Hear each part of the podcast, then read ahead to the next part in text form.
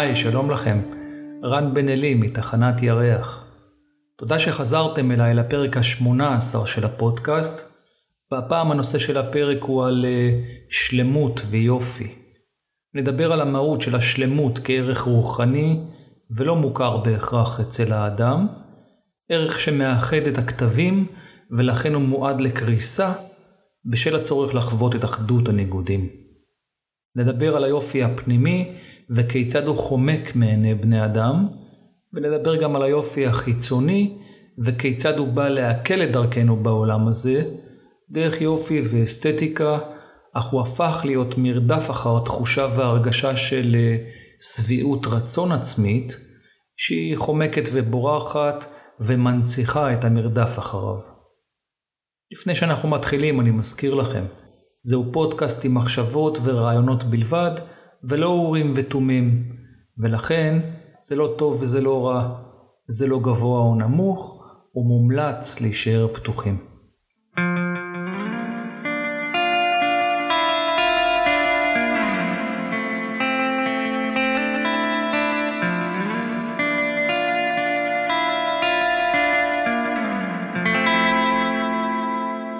נפתח בסיפור קצר. זוג צעיר ומקסים חווה רגע של שיא באיזושהי הצעת נישואין מרגשת, שמממשת עבורם תכלית וצעידה בדרך משותפת. היום הוא ליל הכלולות, והם חווים אה, חודשים ארוכים ומייגעים של הכנות וסידורים וחששות לקראת האירוע המפואר שהם תכננו. זהו ערב אחד שיציין מבחינתם רגע של שיא שבו הם יוכלו להרגיש שפע ואושר מעבר לכל דמיון, וקיימת גם תקווה שהרגע הזה ייחרט בהכרתם כאיזושהי נקודת שיא בחיים שלהם ורגע של שלמות. כמה שעות לפני האירוע, אחרי שהם הצטלמו בלוקיישנים המקובלים, הם הגיעו לאולם האירועים המפואר, והכל מסודר, מבריק ומצוחצח, אלגנטי וכיאה לאירוע מלכותי. ועדיין הם מצאו את עצמם עוברים משולחן לשולחן, מסדרים את המזלגות בזווית ישרה, מזיזים כיסאות ומאירים לצוות על עוצמת התאורה, וכך הם החלו לערער אחד את השנייה על הבחירה של אה, צבע המפות שקצת נועז ביחס לצבע המפיות, ואולי לא משתלב לגמרי עם עמוד הפרחים המרהיב שניצב בכל שולחן. ככל שעובר הזמן הם מתערערים יותר ויותר, ומתקשים להסתיר את החשש והחרדה שמתחילה לסחול בתוכם. האירוע מתקרב ועוד מעט יגיעו האורחים, ואז באיזשהו ניסיון ומהלך של הכלה לסדר ולהזיז את אחד מסידורי הפרחים, היא מושכת בטעות את המפה וכל השולחן מתהפך. נתזים של מים מרטיבים את, את שמלת הכלולות שלה, והיא רצה בוכייה אל המלתחה על מנת להתארגן.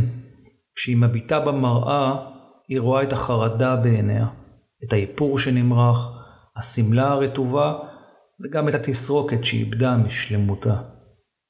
אחרי שהיא נרגעת, צוות האולם, המאפרת וגם הספר מחזירים במהרה את המצב לקדמותו, ואז האורחים מתחילים להגיע. יש התרגשות, חיבוקים, נשיקות וברכות, וגם זיקוקים. כולם אומרים שהכל מדהים ומרהיב, ושהם נראים נפלא. וככל שערב מתפתח, והם עברו את רגע השיא מתחת לחופה, הם מרגישים שהם עפים ונמצאים במרחב אחר. כל הקשיים שלהם נעלמו, וכל הדעות על השלמות שהתנפצה, על הקשיים והמכשולים, לא קיימים יותר, והם לא זוכרים אותם, כי הם מאושרים, והם מאושרים כי הם חוו שלמות.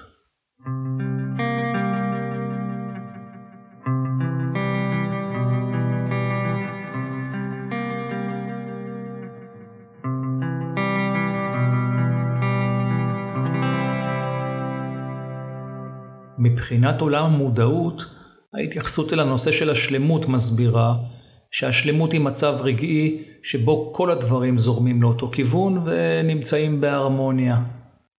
דמיינו כל סיטואציה בחיים שלכם שבה אתם לא נמצאים בקונפליקט.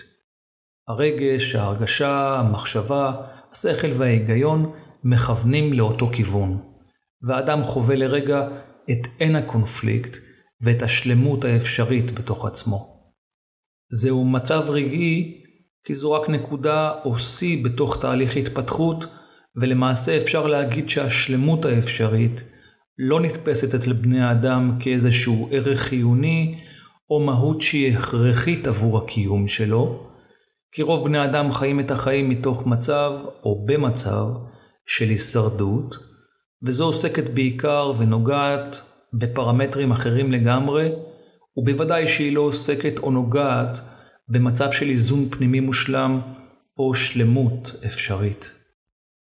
ציינתי שהשלמות היא מצב רגעי, כי אין בקיום שלנו שום דבר שהוא סטטי, והכל נמצא כמובן בתנועה כל הזמן, בגלל שהעולם בנוי על שינוי והתפתחות, ולכן הסטטיות היחסית הזאת והרגעית מתייחסת למעשה לשיא שהוא בדרך כלל רק נקודת סימון או זיכרון, שמסמן לאדם את השלמות האפשרית בתוכו. הוא חווה רגעי שלמות שבו הכל מאוזן בתוכו, והוא פועל לפרק זמן רגעי לאותו כיוון שבו אין שום הפרעה מבחוץ, ולכן חוויית השלמות מספרת שהיא חוויה שנחווית מחוץ לעולם החומר והגוף, ולכן היא חוויה רוחנית. החזרה של תשומת הלב התודעתית אל הגוף והחומר תניע שוב אירועים והתמודדויות וקשיים רגשיים או שכליים, ששוב עלולים לשבש את האיזון, והם יחייבו את האדם להמשיך ולחפש את אותו איזון או שלמות חומקת, וכך זה חוזר חלילה. בנוסף, שלמות היא לכאורה רגעית ונקודתית, כי למצב מושלם אין לאן להתפתח, ולכן שלמות לעולם מועדת לקריסה. אנרגיית האם במצב, במצב הראשוני שלה היא הייתה שלמה ומושלמת כמובן, וגם כאן בגלל אותה שלמות לא הייתה לאנרגיה הזאת לאן להתפתח, ומכאן נולד הצורך או הרעיון שהאנרגיה השלמה הזו תפצל את עצמה לאותן נשמות שהם אנחנו, על מנת שנוכל לממש את הרעיון האלוהי בגוף חומר, במעשה וגם בחוויה, על מנת שמתוך הפירוק המכוון הזה, יתאחדו שוב אותם חלקים ונשמות למודעות מלאה ומושלמת, והמצב יחזור אל אותה שלמות ראשונית בתהליך התפתחות מחזורי. זה בא להסביר שהשלמות לעולם חייבת לחוות את אחדות הניגודים, או את המצב ההופכי, על מנת להבין וללמוד ולהפנים את ההגדרה הזו. נשמה יכולה לחוות את העוני הקיצוני ביותר, ואחר כך את העושר הקיצוני ביותר, על מנת לקבל אה, חוויה שלמה. נשמה יכולה לחוות את הדיכוי העמוק ביותר, בגלגול אחר את החופש הרחב ביותר. נשמה יכולה לממש בחירה ונושא בגוף של גבר, ובגלגול אחר את אותו נושא ובחירה בגוף של אישה. זו המהות של אחדות הניגודים, שמבקשת מהאדם להבין ולחוות פרספקטיבות שונות, כי על מנת לחוות שלמות, יש לחוות את שני הצדדים של המטבע. Thank you.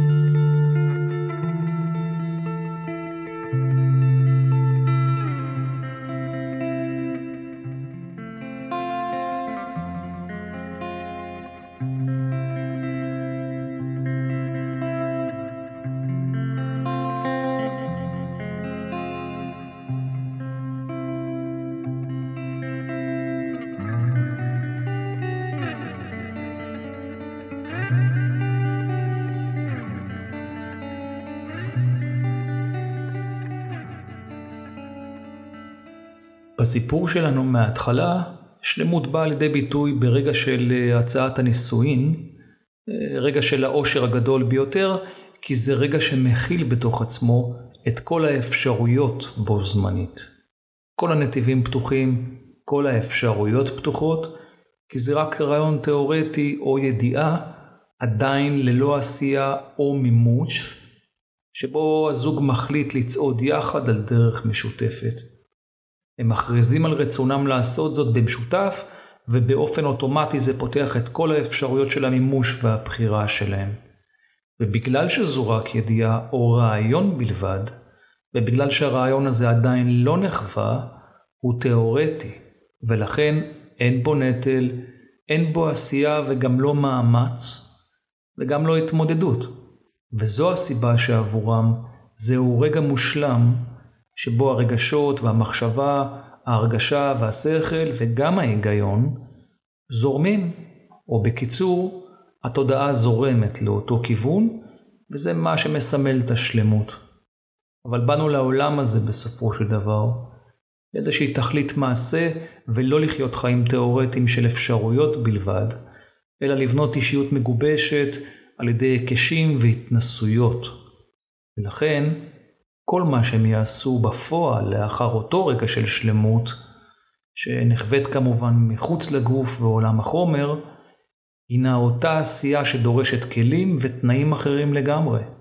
היא דורשת התייחסות אחרת, שכוללת בחירה והחלטות, ומערבבת שנית את עולמות הרגש והשכל, היא גם מערבת את האגו ואת חוויית הנפרדות, כי זהו מישור חוויה אחר, מעשי.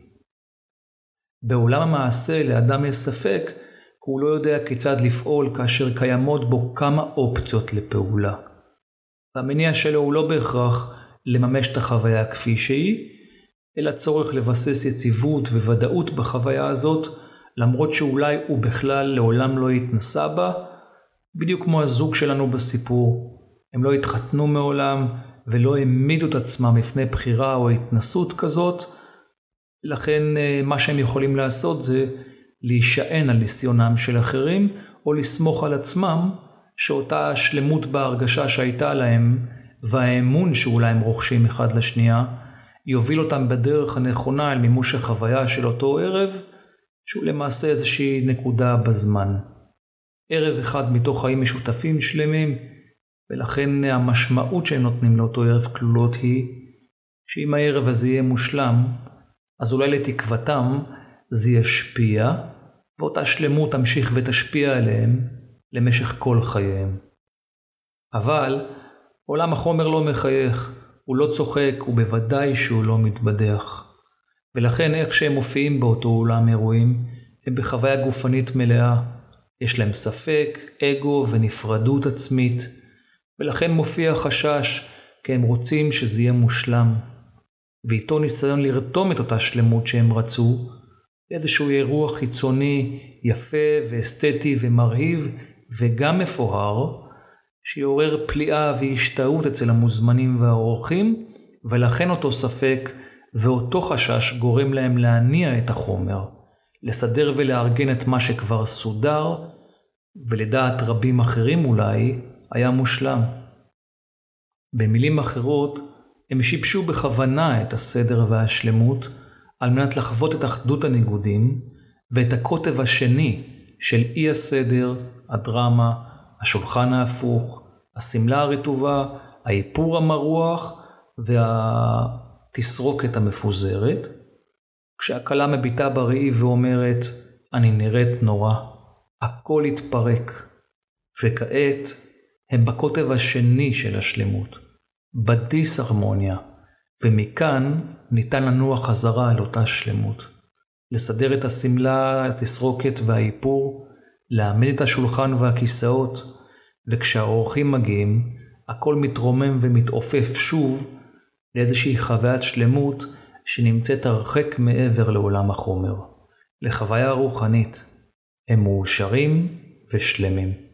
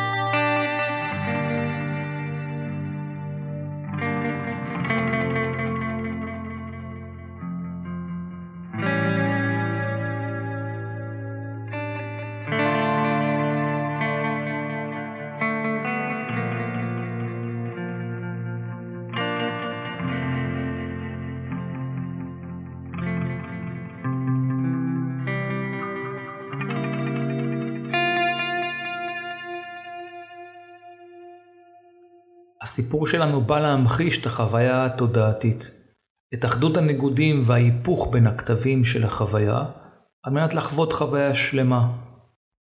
השלמות מתרוממת ומתקיימת ברגע אחד, בהצעת הנישואים כאיזושהי חוויה תאורטית, וברגע אחר בליל הכלולות כחוויה מעשית שבה הם חווים את שני הכתבים של חוסר השלמות, וגם השלמות שמתקיימת לבסוף, כשלעיתים רק בדיעבד מכירים באותה שלמות שהייתה, כמו שאולי שואלים אותם, נו, איך הייתה החתונה? והם עונים יחד, מושלם. מודעות עצמית עוסקת בשני הצדדים של החוויה. אדם מודע לא בורח מהמימוש הקוטבי, וגם לא נשאר רק בידיעה התאורטית, למרות שהוא יכול לומר לעצמו. מה אני צריך את זה? אני כבר מכיר את הדברים. נבוא לאולם האירועים, הכל ייראה לנו פתאום סתמי ולא מפתה, נתחיל להתווכח, נזיז מזלגות, ובטוח תגיע דרמה ממשהו שכבר יקרה. אדם מודע יודע שהשלמות תגיע, והוא יחווה אותה, כי יש לו אמון בכך, ולכן כאשר הוא חווה את הקוטביות, הוא שם את הדגש על ההתנהגות וההתנהלות שנכונה לו, והוא לא נסחף אחרי הדרמה, כי הוא חווה את האפשרויות של חוסר השלמות. שאולי המזלג לא במקום, או שהשולחן יתהפך, אבל הוא יודע שמה שלא יהיה, ומה שלא יקרה, איכשהו הכל יסתדר בסוף, והאירוע יהיה שלם, ועצם הראייה של האפשרויות הללו, או מה שיכול להתרחש, היא המודעות עצמה. ולכן הוא לא מחפש להיאחז בוודאות, או למנוע את השיבוש וחוסר האיזון, כי הוא מבין את אחדות הניגודים. ולכן הוא מכוון את עצמו לאמון עצמי וידיעה עצמית שמבקשת לחוות את ההרמוניה והשלמות, תוך ידיעה שההרמוניה ושלמות אמיתית היא חוויה מלאה של אחדות הניגודים. בסופו של דבר שלמות היא מצב אלוהי, אבל רבים מבני אדם מנסים להגיע אליה דווקא דרך עולם החומר. הם אה, מזיזים מזלגות ומחליפים מפות ומפיות, אולי קונים שמלת יוקרה ומשקיעים שעות בתספורת ומסדרים ומחברים את השלמות אל הבנה של דבר חיצוני כמו יופי, עושר ומראה מרהיב.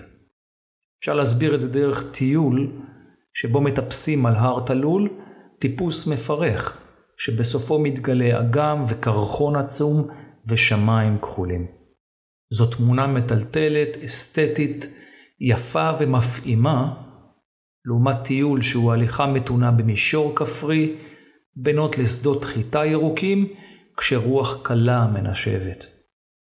בטיול הראשון החוויה יפה, מהממת, אסתטית ומטלטלת. בטיול השני, בכפר, חוויה מאוזנת, שלמה, כי משך הזמן באותה הליכה על פני מישור מתמשך, מאפשרת התחברות ביתר קלות אל האיזון ובשני המצבים ובשני הטיולים, אתם חווים טבע ומרחב. ולכן, השלמות האמיתית תוצר של איזון ולא רק של יופי. תן דוגמה אחרת. אתם מטיילים ביער עתיק ופראי, שהוא כל כולו אחדות ניגודים. יש בו שבילים פתלתלים ומסתוריים, יש בו עצים ושיחים רבים מסוגים שונים, בעלי גובה וגזע שונה, יש גם צמרות עצים גבוהות ורחבות, והנוף משתנה, כמו גם המרחקים בין העצים. כל עץ הוא שלם בפני עצמו, ולכן היער כולו הוא שלמות. בהזדמנות אחרת, אתם מטיילים ביער של הקרן הקיימת, שבו נטעו את כל העצים באותה תקופה, וכולם מאותו סוג, וכמעט כולם באותו גובה, וגם השבילים בין העצים ישרים כמו סרגל. הכל מסודר, אסתטי ומדויק, וגם כאן כל, כל עץ הוא שלם בפני עצמו. אבל כל העצים בול אותו דבר. אז איך תגדירו את היער הזה? גם כשלמות? למעשה בשני המקרים, אם הפרט הבודד שהוא עץ הוגדר כשלם, אז היער כולו על סך חלקיו הוא שלמות. כי השלמות מורכבת למעשה משלמים. אבל איך ייתכן שיש הבדלים כל כך מהותיים של שלמות באותו נושא? למה אין הגדרה אחת שאומרת מהי שלמות של יער? הסיבה היא שזה נושא שנתון לפרשנות כי השלמות לא נתפסת בעיני בני אדם כאיזשהו ערך חיוני או קיומי, כי רובם עוסקים בהישרדות ולא בשלמות, ולכן היא נתונה לפרשנות כזו או אחרת, או אפשר להגיד במילים אחרות.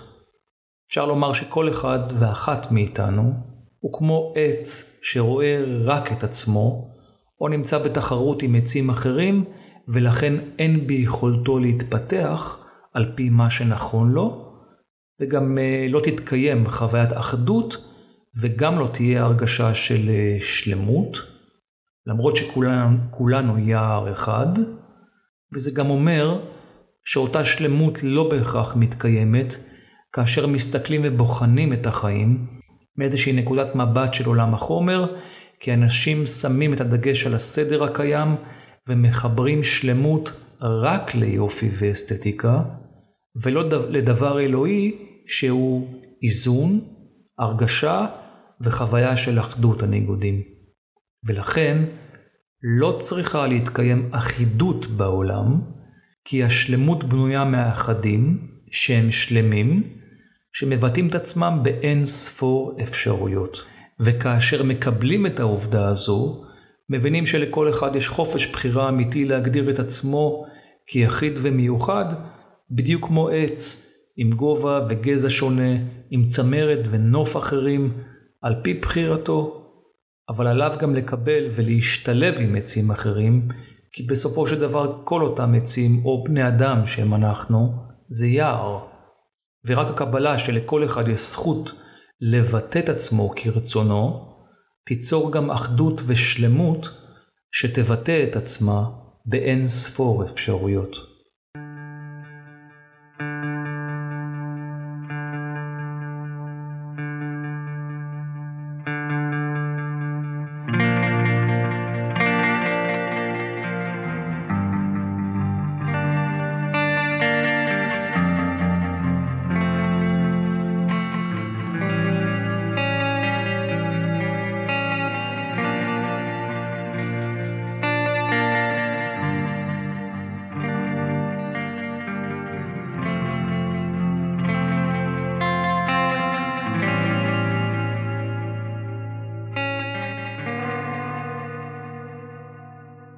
מה שדיברנו עד כה מביא אותנו לנושא הבא באופן טבעי, היופי.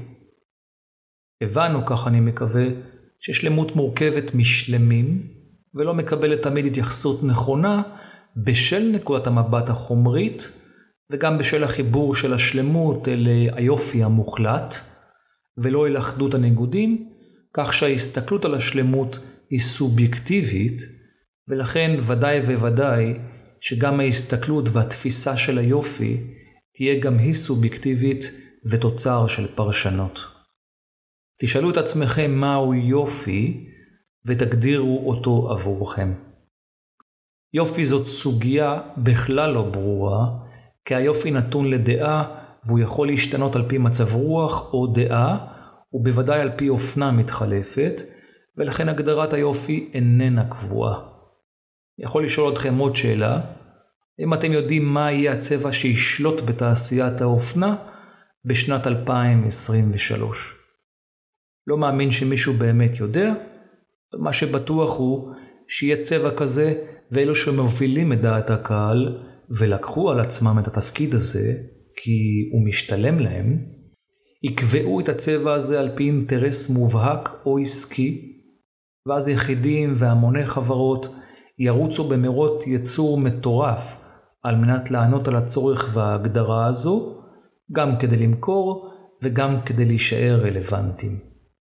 זה לא משנה בכלל מה יהיה הצבע הזה בשנת 2023, וזה לא משנה אם אתם אוהבים אותו, הוא עדיין ייקח חלק בהגדרה של יופי, כי יופי הוא דבר שיפוטי, הוא לא שוויוני, הוא סובייקטיבי, והוא משתנה על פי תרבויות, אזורים ואופנות שמתחלפות. כך שמה שהיה פעם מכוער, היום הוא נחשב ליפה, ולהפך. יש עמים שמחשבים דברים יפים כאותם דברים שמוגדרים כמכוערים אצל עם אחר, ועד היום מנסים להגדיר ללא הצלחה את הנוסחה המוסכמת ליופי. מעבר לזה יש לדעת, יש הבדל מהותי בין יופי חיצוני ויופי פנימי.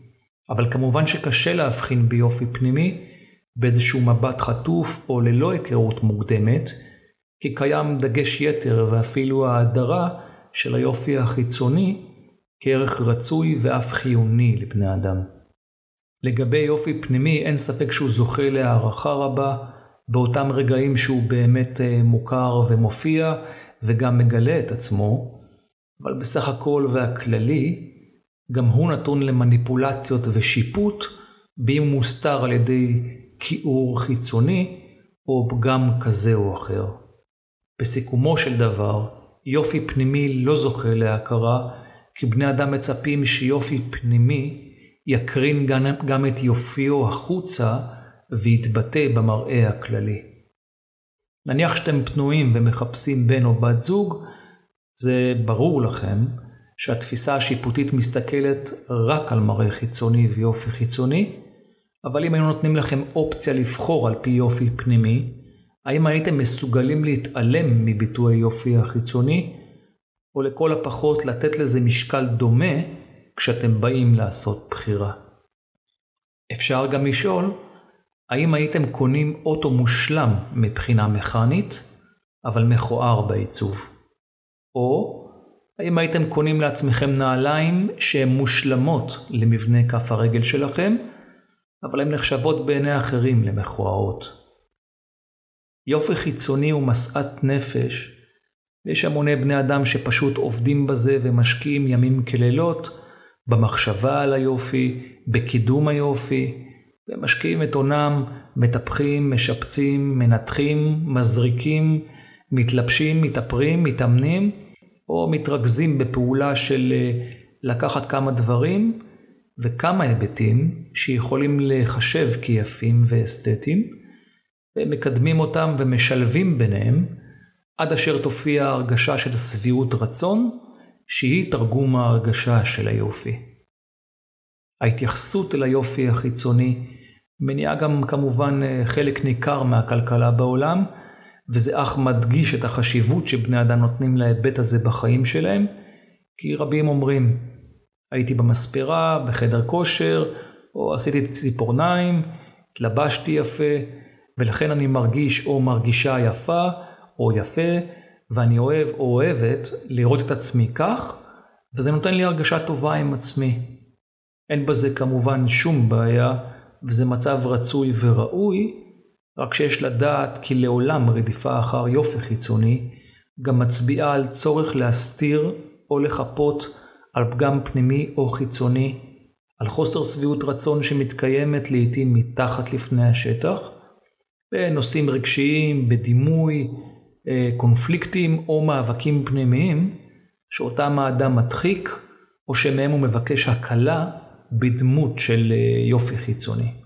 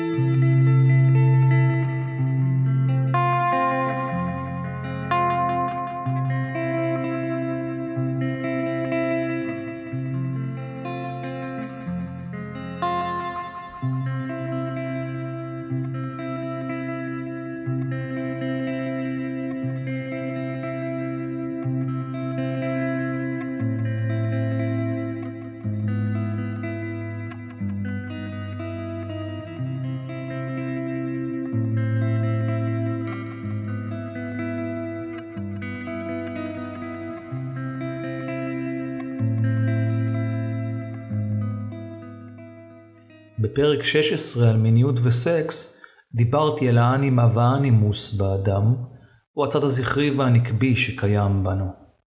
הוסבר שבין האנימה והאנימוס בתוכנו חייב לשרור איזון, הדדיות, אמון ושיתוף פעולה, כמו בכל מערכת יחסים אחרת שמתקיים בעולם הזה.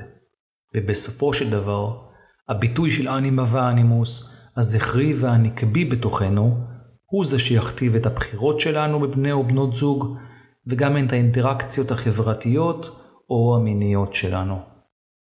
הוסבר בפרק הזה שנשמה עם אנימוס או צד זכרי מתוגבר, שתיכנס לגוף של אישה, תהיה אישה גברית. ושנשמה עם אנימה או צד נקבי מתוגבר, שתיכנס לגוף של גבר, יהיה גבר נשי. בשני המקרים זהו חוסר איזון מובהק בין צד זכרי ונקבי, או אנימה ואנימוס, שיש לו השלכות רבות על צורת החיים, היחסים והמיניות של האדם, ובוודאי על האפשרות לקבלה עצמית. לא ניכנס כאן לסיבות לכך, אבל אנחנו חיים בחברה שיפוטית שמחלקת אנשים לקטגוריות, ונשמה עם יחסי אנימה ואנימוס לא מאוזנים, תעשה הכל על מנת להסתיר ולחפות על חוסר האיזון הזה שנמצא בתוכה, על מנת לא להחצין את מה שהיא תופסת כפגם. ולכן, אישה גברית יכולה להשקיע רבות בטיפוח ויופי, עד אשר היא תגיע לשביעות רצון ולמראה נשי עד כמה שניתן, גם אם הוא אילוץ וגם אם האילוץ הזה בולט ונראה לרבים. וגבר נשי יכול לעשות את אותו הדבר על מנת להיראות גברי, ולהשקיע כמובן בכל אותן פסדות חיצוניות, מראות והתנהגויות שנחשבות לגבריות, ועדיין יש לזכור, זו פסדה שאדם לא יכול להסתיר אותה מחדי העין, אבל בעיקר מעצמו ומההרגשה שלו. חוסר איזון בין אנימה לאנימוס, או צד זכרי ונקבי, הוא נפוץ מאוד, ולכן תעשיית היופי והקוסמטיקה והאסתטיקה, האופנה ועוד כמה תעשיות נכנסו למרווח הזה, אשר בא לחפות ולהסתיר פגמים שבני אדם עצמם רוצים להסתיר מהעולם, וזה לא אומר כמובן שיופי הוא לא דבר רצוי ושאסתטיקה היא דבר מיותר, להפך, אלו כלים שתורמים להרמוניה הפנימית, לתחושה טובה ונעימה, וגם עוזרים לקבלה העצמית באותם מקרים, שהם באים להוסיף על הקיים, המקובל והרצוי, כמו תבלין שמוסיפים לתבשיל, אבל יש מי שמשתמש ביותר מדי תבלינים, וזה פוגע בתבשיל עצמו, ויש עדיין רבים שעבורם התבלין הוא הארוחה עצמה. בפרק הקודם של הפודקאסט דיברתי על המסכה שמסתירה את הפחד על ידי התנהגות מאולצת, שמנהל אותה הפוליטיקאי הפנימי. כאן אני יכול להוסיף שגם תשומת הלב ליופי והמרדף אחריו הוא אותו חלק שאיתו בני אדם מנסים להסתיר על מנת ליצור דימוי אחר שיניב לכאורה יותר הצלחה או מקובלות או יאפשר איזשהו ערך שנחשב ולמעשה היופי מהווה אישור להצלחה ולמימוש אפשרי. ושוב יש לשאול, האם אתם מכוונים את עצמכם ליופי פנימי או חיצוני? אין מבנה אחד או הגדרה אחת, וסעיפי השיפוט הם אלה שמגדירים את הרצוי. ובנוסף, קיימת התפיסה שאומרת שאותו יופי חיצוני משרת היטב את המסכה, וגם את אותו דימוי שהאדם מבקש להציג את עצמו דרכה, ולכן הדבר היחידי האמיתי שהיופי באמת מייצג הוא, זה את הוויכוח ואת אי ההסכמה באשר למהות שלו, ולכן אה, מוטב אולי להשאיר את זאת כך, מבלי לנסות ולהגדיר הגדרה מדויקת, שגם היא תעורר ויכוח. בסיפור שלנו מההתחלה על החתונה, היופי בא לידי ביטוי במראה עשיר, מפואר ומעורר פליאה. וגם אם אותו אירוע כלולות הוא הרבה מעבר ליכולת הכלכלית למשל של הזוג, הם רוצים ושואפים לגעת ולהתחכך באותו ערך שהם מבקשים לעצמם דרך היופי, על מנת להעצים, לקבל אישור ולהתחכך בעצמם עם חוות המלכות והפאר, ולו לרגע, כאשר מבחינה קוסמית, מה שחשוב באמת הוא זה, ההסכמה וחוזה הנישואין, שהוא ביטוי לקרמה משותפת ואפשרות לצעידה משותפת בדרך, וכל התפאורה היפה ככל שתהיה, מרהיבה ומפוארת, היא עדיין רק תפאורה וקישוט, שלא משנה כהוא זה מעוצמת האירוע, ועדיין כמובן, זו זכות של כל אחד לנהוג על פי דרכו, אבל בסופו של דבר, היופי הפנימי הוא זה שיכול להופיע דווקא מתוך ההסכמה ההדדית, מתוך הצעידה המשותפת, וגם מהאסתטיקה, שצריכה לבוא, לבוא לידי ביטוי, סליחה, דרך ההתנהגות והיחס שלהם אחד לשנייה. כאשר איש או אישה רוצים להיראות יפים, הם מתלבשים יפה על פי סגנון האופנה שעבורם מייצג יופי. הם מקפידים על אסתטיקה, מסדרים את תסרוקת, אולי מפזרים ניחוח של בושם, ומסדרים ואולי מחליפים כמה פעמים את הבגדים שלהם, עד אשר תעלה בהם הרגשה של שביעות רצון. כשהם מביטים במראה, מה הם רואים? את יופיים הפנימי או החיצוני? התשובה היא שזה לא משנה. מה שמשנה הוא, זה שהם חווים שביעות רצון. אבל זה לא אומר שזה צריך להפך למרדף אחר שביעות רצון, ולא למרדף אחר היופי עצמו. יש בינינו רבים שנראים נהדר, יפים ומרשימים, אבל בתוך תוכם הם כלל לא מרגישים כך, ובוודאי שלא מרגישים שביעות רצון למרות המרדף.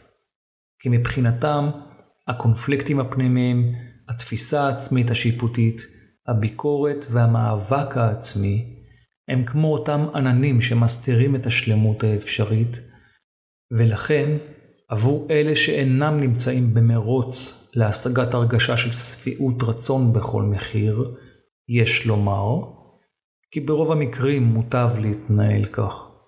להודות על מה שקיים ועל מה שניתן לך, כי ככה בחרת, וככל שעובר הזמן, חייך נדמים לאותו טיול במרחב אופקי, בכפר, בין שדות ירוקים, ואז האיזון יכול להתקיים בדרך נוחה יותר, ואז מתוך זה תופיע גם ההשלמה הפנימית, כשהריצה והצורך להסתיר חלקים מעצמך מרחיקה אותך מהאפשרות לעצמיות מלאה. וכל עוד קיימת התפיסה שהפתרון נמצא בעולם החומר, דרך מושאי היופי למשל, ולא בעולם הרוח, אז לא תוכל להתקיים שלמות. זה בדיוק כמו עץ ביער שמסתכל על עצמו ומשווה את עצמו לעצים אחרים, ומפנה ביקורת לעצמו, והוא כלל לא תופס שהוא שלם כפי שהוא.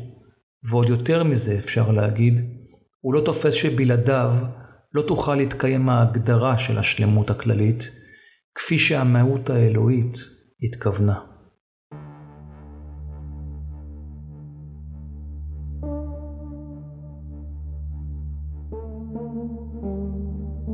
אדם שנמצא בדרך למודעות יודע שהוא עץ אחד שלם בתוך יער של שלמות שבתוכו הוא חי. הוא לא משווה את צמיחתו לעצים אחרים מבחינת גובה, רוחב, מראה או סוג, כי הוא יודע שכולנו עצים ולכולנו יש שורשים.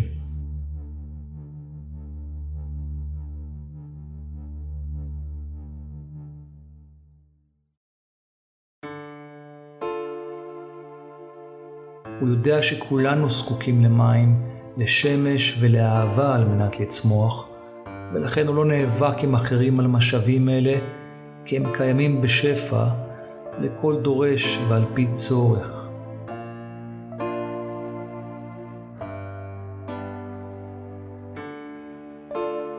הוא יודע שיש ביער שבו הוא חי, עצים שרוצים את השמש והמים והאהבה רק לעצמם. ולמרות שכולנו יער של שלמות, לא אכפת להם בכלל, כי הם עסוקים כל היום בלהתבונן במראה, להאדיר את כוחם ולצמוח על חשבונם של אחרים, אבל מה שהם לא יודעים הוא שכולנו חווים שלמות שקורסת, וכך זה תוכנן במקור, והם רק מעודדים את אותה קריסה ואת השלמות והאחדות שמתפרקת, על מנת לחוות את אחדות הניגודים ואת הצד השני של המטבע.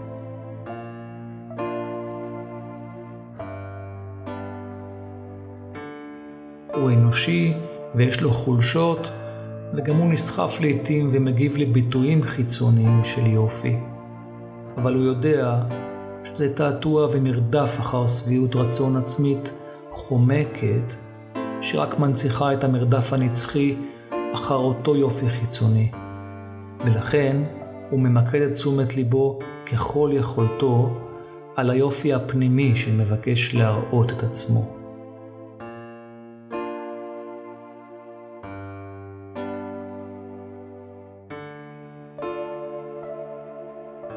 הוא יודע שהיופי החיצוני הוא ביטוי אלוהי שניתן לבני אדם ככלי על מנת להנעים להם את דרכם בעולם ולרכך את הקושי שקיים כך או אחרת. אבל הוא הפך להיות משאת נפש וחזות הכל וגם כרטיס כניסה שמדלג לכאורה מעל השיפוט והביקורת העצמית שבאה לידי ביטוי בתגובות ובהתנהגויות של בני אדם.